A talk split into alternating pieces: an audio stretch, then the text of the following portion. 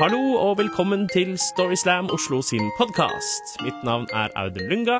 Jeg befinner meg i et studio sammen med min læremester og eh, orakel Oi, eh, Karoline Marie Enoksen. ja. Velkommen til deg.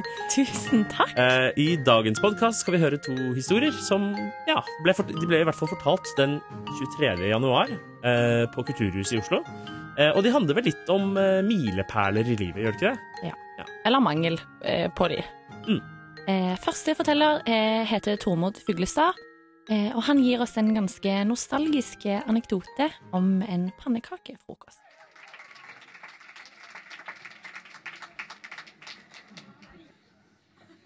At jeg skulle finne på å lage pannekaker akkurat denne dagen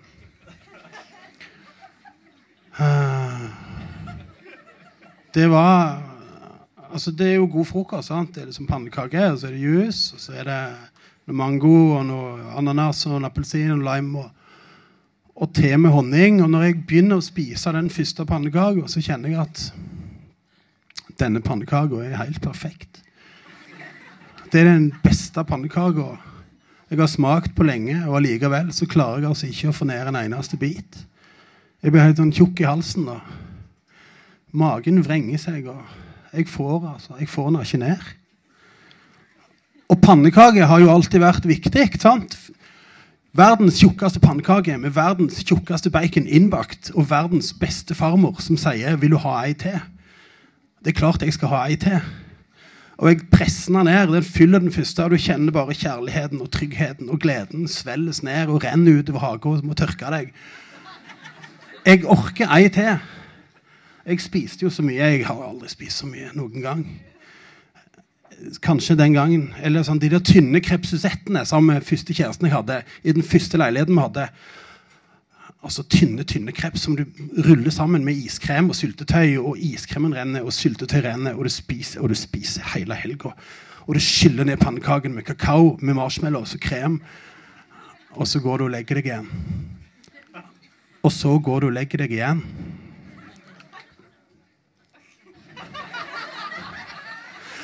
Eller den sånn amerikanske pannekaka i Mexico når hele familien er samla på ferie, og vi spiser altså, verdens beste frokost med frisk, friske frukt rett fra trærne.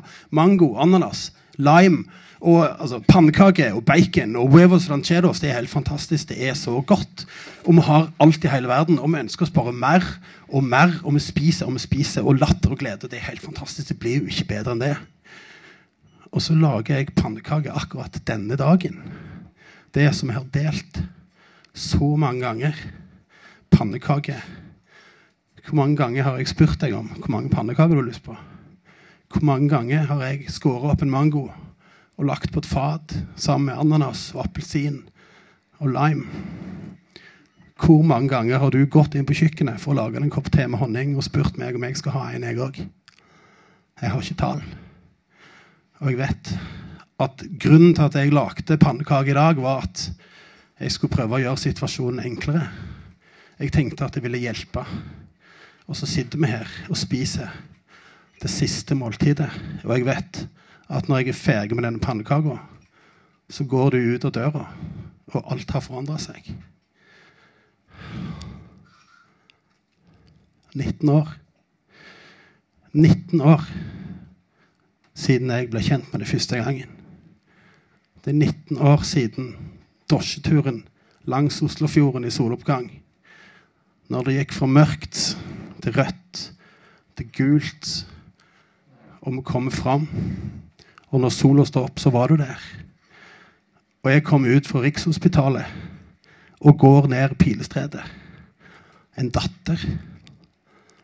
Hun er helt perfekt. Og den festen vi hadde når du kom hjem, og søstrene dine traff deg Nei, hun skal bare ha melk. Vi skal ha pannekaker. Vi skal ha pannekaker med banan og sjokolade og krem og vaniljeis og vaniljesaus og alt det vi kom på som er godt av jordbær og ferske frukt, og legge det i en sånn halv meter høy pannekakekake.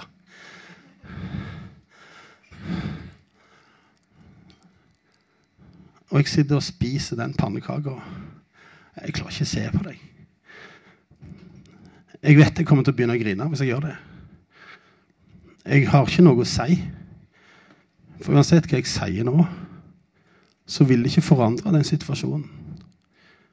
Når jeg er ferdig med denne pannekaka, så reiser du.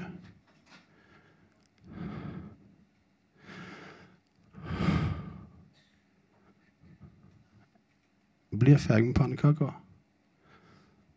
Du pakker kofferten ferdig og går ut døra. Jeg får en klem. Jeg vinker. Hun blir henta av en bil. Hun snur seg og vinker tilbake, og jeg står, står der og vinker. Jeg står der til bilen har kjørt. Den siste fuglen har flydd. Nå er det bare meg igjen. Det er bare meg nå. Det er ingen lenger som kommer og vekker meg om morgenen når jeg har bursdag. Det kommer ingen. Det kommer ikke tre unger med et brett med pannekaker og kake og synger. Det kommer ikke to heller. Og det kommer ikke én unge, den siste som er igjen. Når det ikke er noe samboer lenger. Det er ingen andre, det er bare deg. Og der står du helt alene med et brett og smiler så fint som jeg aldri har sett noen smile. Pannekake og kake. Og synger hele bursdagssangen helt alene.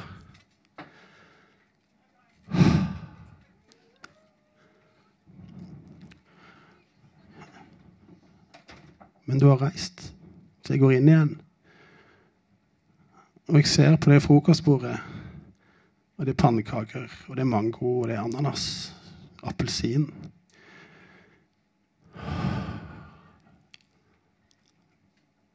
Jeg vet at det, det er slutt. Men når jeg tar ei pannekake til, så kjenner jeg at dette er òg en begynnelse. Takk.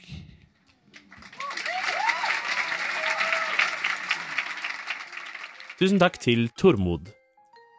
Neste forteller, Anne-Britt Lote, eh, møtte sin kjærestes far for første gang på en brun pub. Ja, og det ble en ganske uforglemmelig opplevelse. Eh, Resultatet det får du høre her.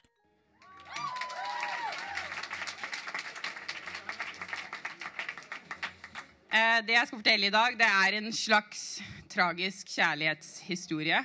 Um, Jeg var i midten av 20-årene, det var et par år siden. Eh, Jeg hadde hatt et helt år av å være singel, og det hadde gått helt forferdelig for meg. Sykt mye dårlige sukkerdates.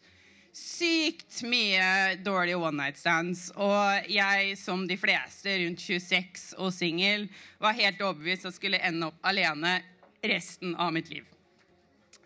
Men en dag så var jeg liksom på en dansetime av alle ting, og der møtte jeg en mann. Og denne mannen, han var kjempekjekk, og han var kjempehyggelig.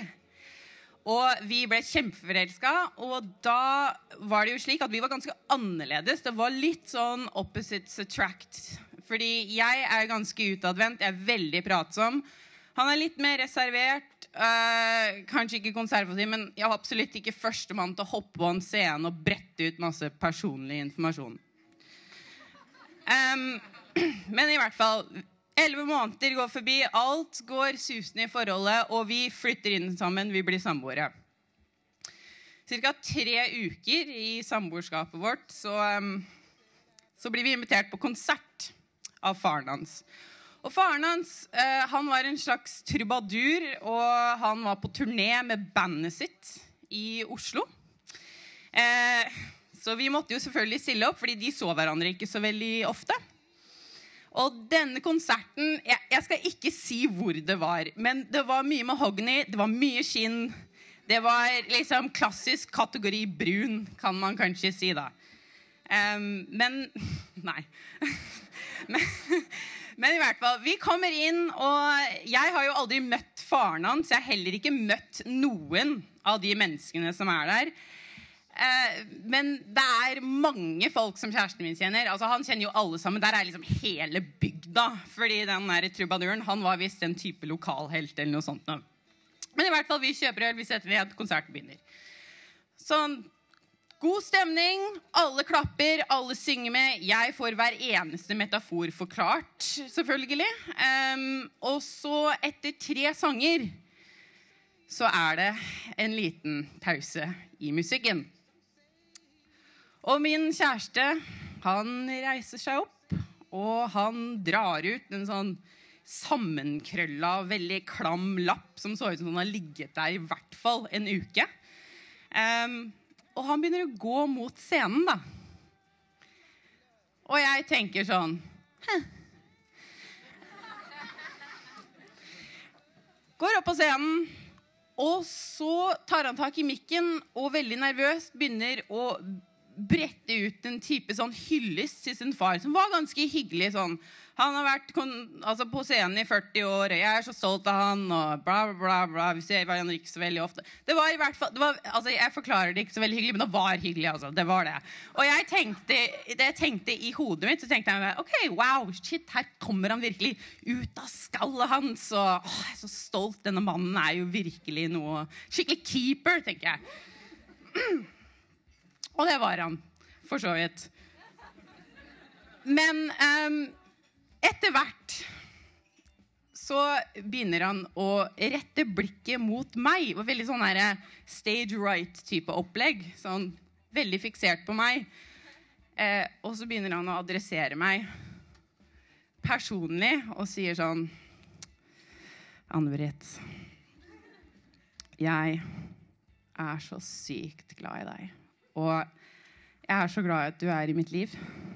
Og jeg vil bare si at hvis vi er sammen ett år til, så vil jeg kanskje fri til deg.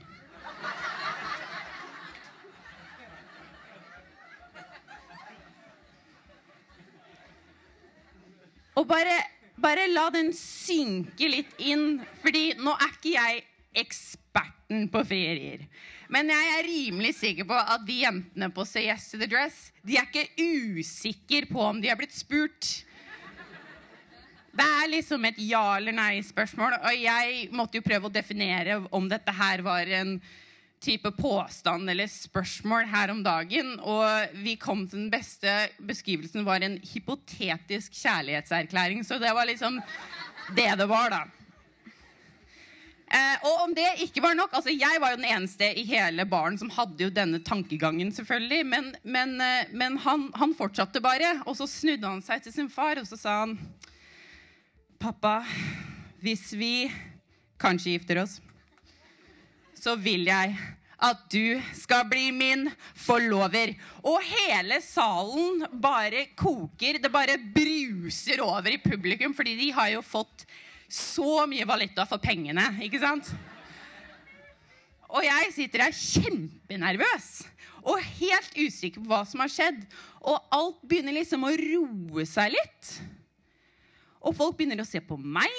for jeg har jo ikke respondert på hva nå enn dette spørsmålet eller ikke spørsmålet er.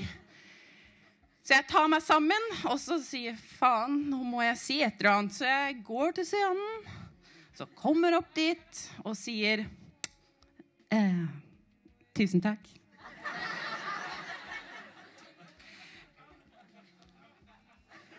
Og så går jeg ned fra scenen sammen med han. Alle bare skriker ut gratulasjoner og kaster high fives. Og kjæresten min stråler jo som en sol, fordi i hodet hans har dette her gått på skinner. Jeg merker at jeg er like varm som jeg er omtrent nå. Og bestemmer meg at jeg, jeg må gå ut og ta noe luft. Jeg bare holder på å daue. Og han blir selvfølgelig med. Og jeg tar én titt på han, og jeg bryter fullstendig sammen. Og jeg begynner å hylgråte. Og det fosser tårer og maskara og snørr og en sånn type hysterisk panikkanfall. Sånn Hva er det du tenkte? Hva Er det du tenkte? Er vi forlovet? Jeg skjønner ikke, det er ikke noe ring! Blablabla. Ikke sant? Sånn typisk eh, bare helt raserianfall. Og midt oppi dette, hele den her paniske seansen her, så ser jeg opp på han, og vi får øyekontakt. Og begge to skjønner at han har gjort den største, mest offentlige kjærlighetserklæringen av sitt liv. Og jeg står der og kjeller han ut fullstendig. Vi var faktisk sammen et helt år til.